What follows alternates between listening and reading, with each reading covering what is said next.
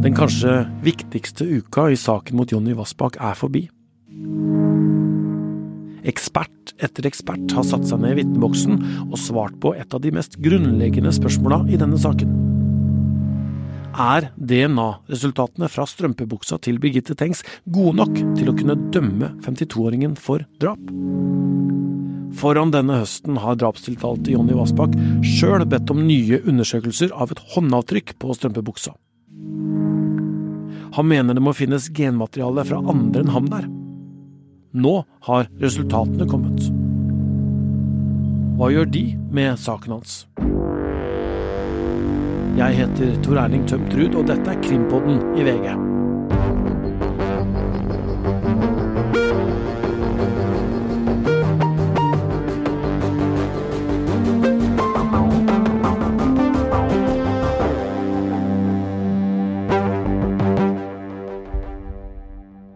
I retten er det kun DNA som kan felle Jonny Vassbakk.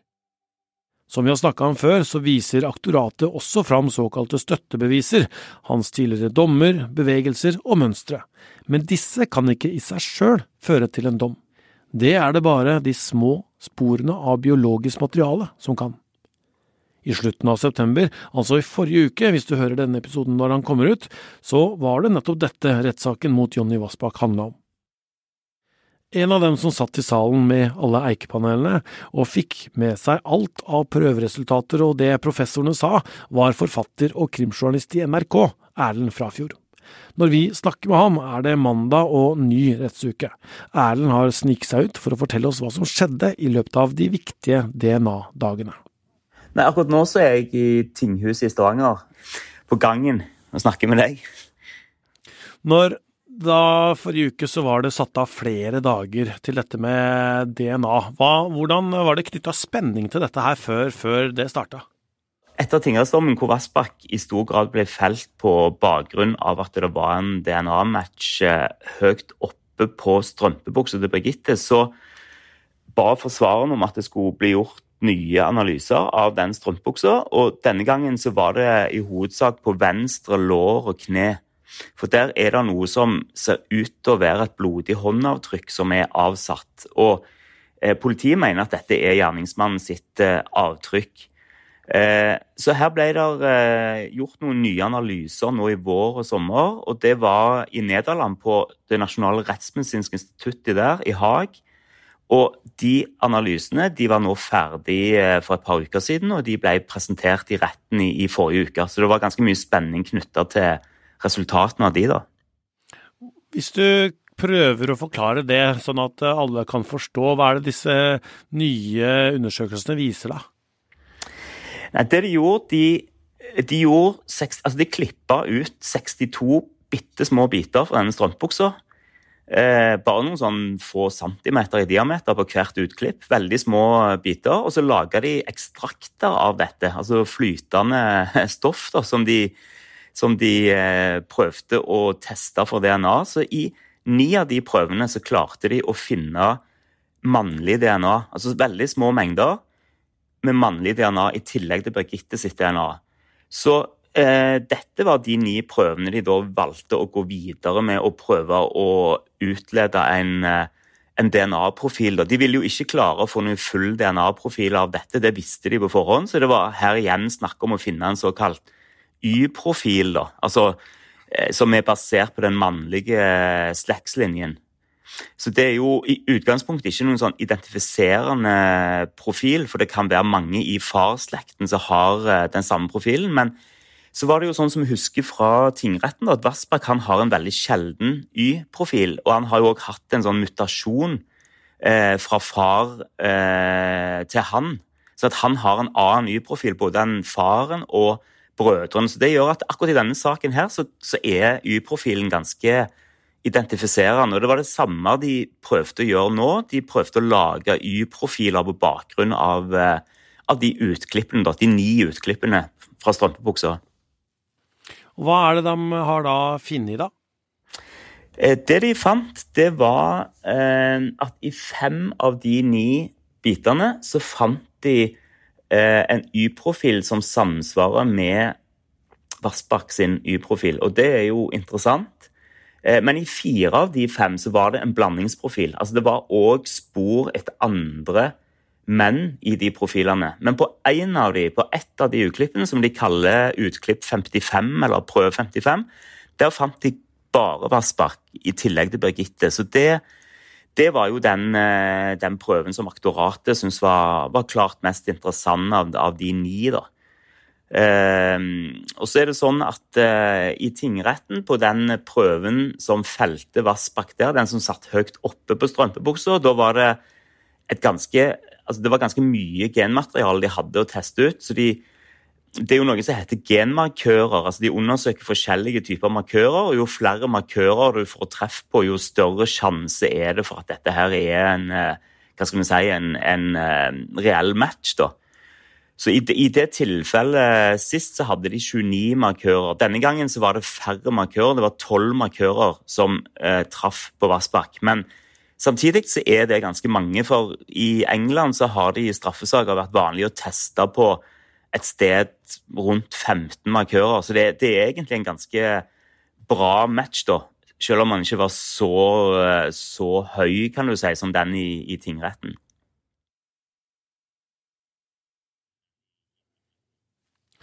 Mm, da, da, dette ble fremlagt, da, hvordan var eh, reaksjonene på det? Det, jo, det er jo mange sakkyndige som var til stede i retten i forrige uke. og de, eh, altså Dette ble jo gjort i Nederland. I tillegg så er det eh, britiske DNA-sakkyndige inne i saken, som òg var og vitna. Så det var ganske mange som i tur og orden forklarte hvordan de tolka disse prøvene. da, og um, altså alle, alle, er jo veldig opptatt av at De er sakkyndige. De sier at eh, ok, her er, det, her er det interessant informasjon som peker i retning av Jonny Vassbakk og i de nye prøvene. Og så maner de samtidig til forsiktighet. Altså at en, en må tolke dette konservativt. Og det, det handler litt om at uh, dette er DNA. altså Som, som den ene av uh, de sakkyndige da sa, Jonathan Whittaker, en, en britisk uh, ganske kjent DNA-ekspert. Han sier at det, eh, et DNA-funn det er kun funn av et DNA. altså Det sier ingenting om hvordan det havner der, så du må sette dette inn i en kontekst. Og Den konteksten den vil jo ikke de sakkyndige mene noe om. De, de er kun der for å finne DNA-en, og så er det liksom opp til retten og, og dommeren å tolke hvordan dette kan brukes, da, i, altså hva bevisverdi det har. Sier, sier de sakkyndige om noe om liksom hvor eh, hvor riktig dette her er? Altså om det er noe tvil, er det Vassbakk eller ikke? Um, ja, sånn som jeg forsto det i, i, i, siste uke, så skiller de litt mellom de forskjellige treffene. Um, I den prøven hvor du kun har funnet Vassbakk på tolv genmarkører og Birgitte, så er det ganske sånn overbevisende, eh, ifølge de, at dette er Vassbakk. Altså de Ehm, han, ehm, han nederlenderen som, som, presenterte dette fra det nederlandske rettsinstituttet, han heter Arnold Kahl. Han, eh, han, han sa det at um, altså han hadde Nå skal jeg bare finne eh, akkurat det. Um, uh, han karakteriserte det som far more probable at det var Vassbark enn noen andre. Altså Det er en sånn sannsynlighetsskala som de bruker, da, og dette var nest øverste av seks mål på en skala for å bekrefte en hypotese om at det er den de undersøker. Da. Og da sa han at det var mellom 10 000 og 1 million ganger større sjanse for at denne profilen tilhørte Vassbakk enn noen andre menn. da. Så, så, så, selv om de maner til forsiktighet, så sier de jo samtidig på den andre side at det er ikke noe tvil om at, at her har vi da funnet Vassbakk sitt DNA og på et annet sted på strømpebuksa enn det vi visste i tingretten. Altså, Vi har allerede visst at vi har hatt hans DNA høyt oppe i strømpebuksen, og nå har vi funnet en DNA av han lenger nede. Og så er det jo òg de fire andre profilene, da, hvor, eh, hvor en finner Vassbakk som en blandingsprofil med Birgitte og uidentifisert DNA. Eh, så aktoratet mener jo at dette her totalt sett har en bevis, en klar bevisverdi. Men det er jo noe de vil komme tilbake igjen til i prosedyrene da, om to uker. Hva sier eh, forsvarerne her, da?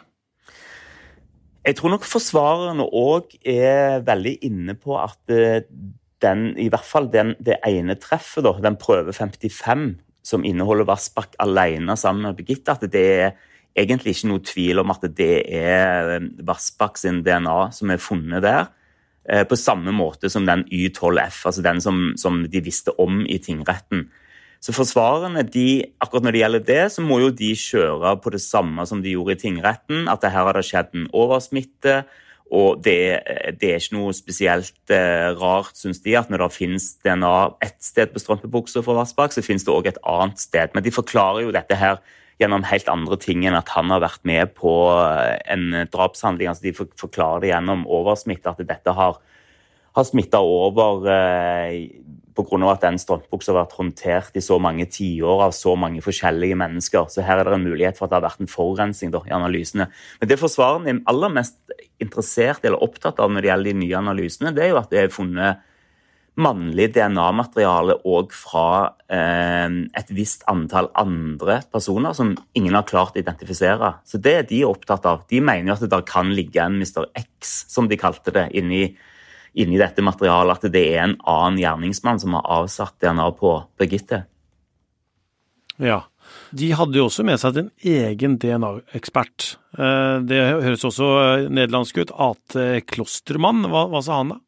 Nei, altså han, eh, Da han vitna, så tenker jeg at det vitnemålet der det skilte seg ganske mye ut fra de andre sakkyndige. fordi de andre der de holdt en ekstremt nøytral profil da, eh, og nevnte hele veien at de, de la dette konservativt fram. Eh, det er opp til retten å bedømme osv.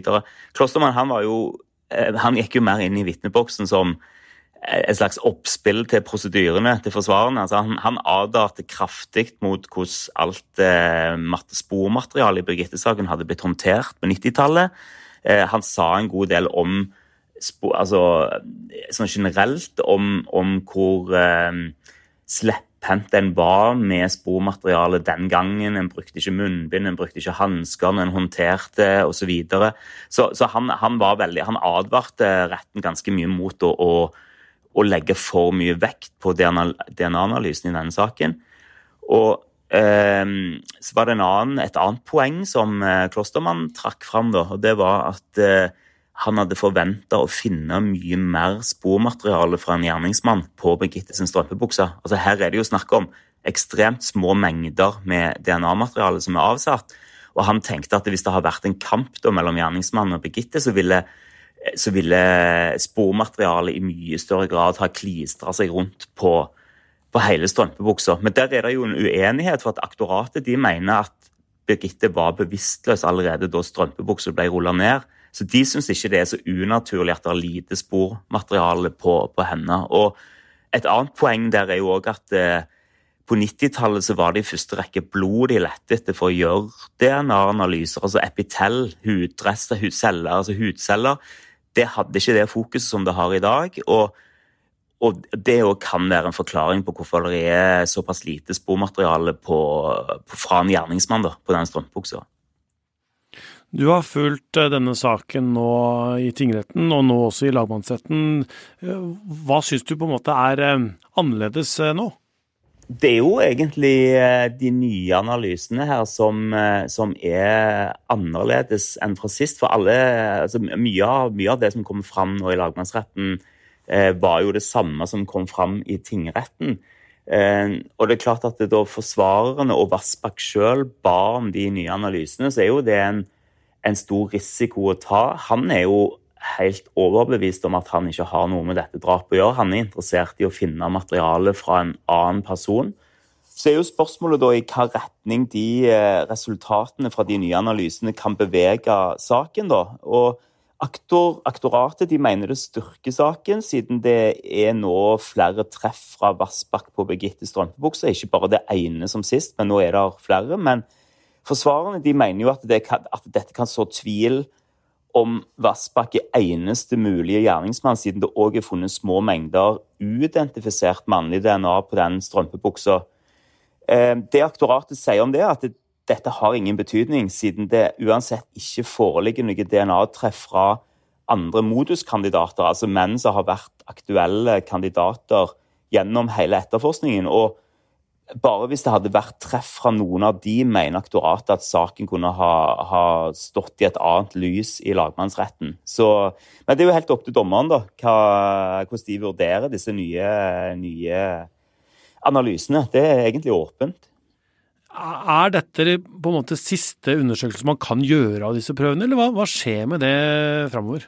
Ja, det, det, ble det jo et spørsmål om, da, for de, de har jo lagd ekstrakter, altså flytende materiale, av de, eh, av de utklippene på strømpebuksa. Og eh, det aktor eh, Nina Grande sa i retten, det var at halv, ca. halvparten av den væska, altså det flytende materialet, er brukt opp i de nye analysene i Nederland. Og Så ble det da en diskusjon mellom aktoratet og forsvarerne om de skulle rett og slett bruke opp resten av materialet òg, sende det til andre institutter og se om de kom til andre resultater. Og Alternativet det er å, å lagre dette ekstraktet eh, i håp om at eh, DNA-analysemetodene blir enda bedre i fremtida. Og og Da ble det enighet mellom aktoratet og forsvarerne om det siste. At en lager analysene, og så håper en at en kan kanskje få enda mer presise svar en eller annen gang i, i uh, framtida. Hmm. Denne uka her da, Erlend, hva skjer i retten da? Eh, det som skjer nå eh, i dag og i morgen, det er at det er en del vitner som eh, plasserer Vassbakk i Kopervik på den tiden, og òg eh, på gamle Sundveggen, hvor dette drapet skjedde. Han har, jo, han har jo distansert seg veldig fra Kopervik og gamle Sundveggen. Han har sagt i avhøret at dette var områder han var lite i, at han var lite kjent på denne grusveien. Så nå prøver jo aktoratet å og klistre han mye nærmere til disse kritiske stedene for han da, med å, å, å føre vitner som, eh, som, har hatt tilhørighet. Han har jo kjørt mye rundt i bilen sin og plukket opp vitner. og eh, så, denne, så, denne, kjennskapen til, til Kopervik og gamle Sundveggen, den, eh, den, er et tema nå i disse dagene. Og Så blir det jo òg eh, seinere i uka tema tidligere straffesaker han har vært involvert i. Han har jo overfalt damer eh, tidligere, bl.a. Eh, psykologen sin, og han har hatt en del blotterepisoder, så det er mye av det som, eh, som gås gjennom nå, da.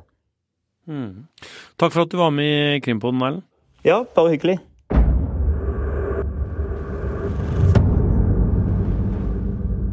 Vi fortsetter å ta imot eh, spørsmål om saken mot Jonny Vassbakk. Og vi kommer til å besvare dem også en gang når Øystein er tilbake fra høstferien. Du kan sende inn spørsmål på flere måter. Du kan bruke mail, krimpodden at vg.no. Du kan eh, skrive til oss på Facebook eller på Instagram. Denne episoden er laga av Ruth Einvoll Nilsen. Forfatter og NRK-journalist Erlend Frafjord var med.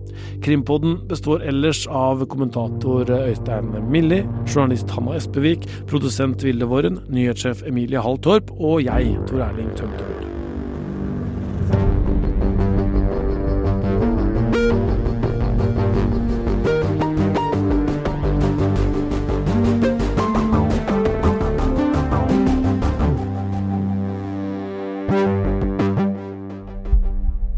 Du har hørt en podkast fra VG. Ansvarlig redaktør, Gard Steiro.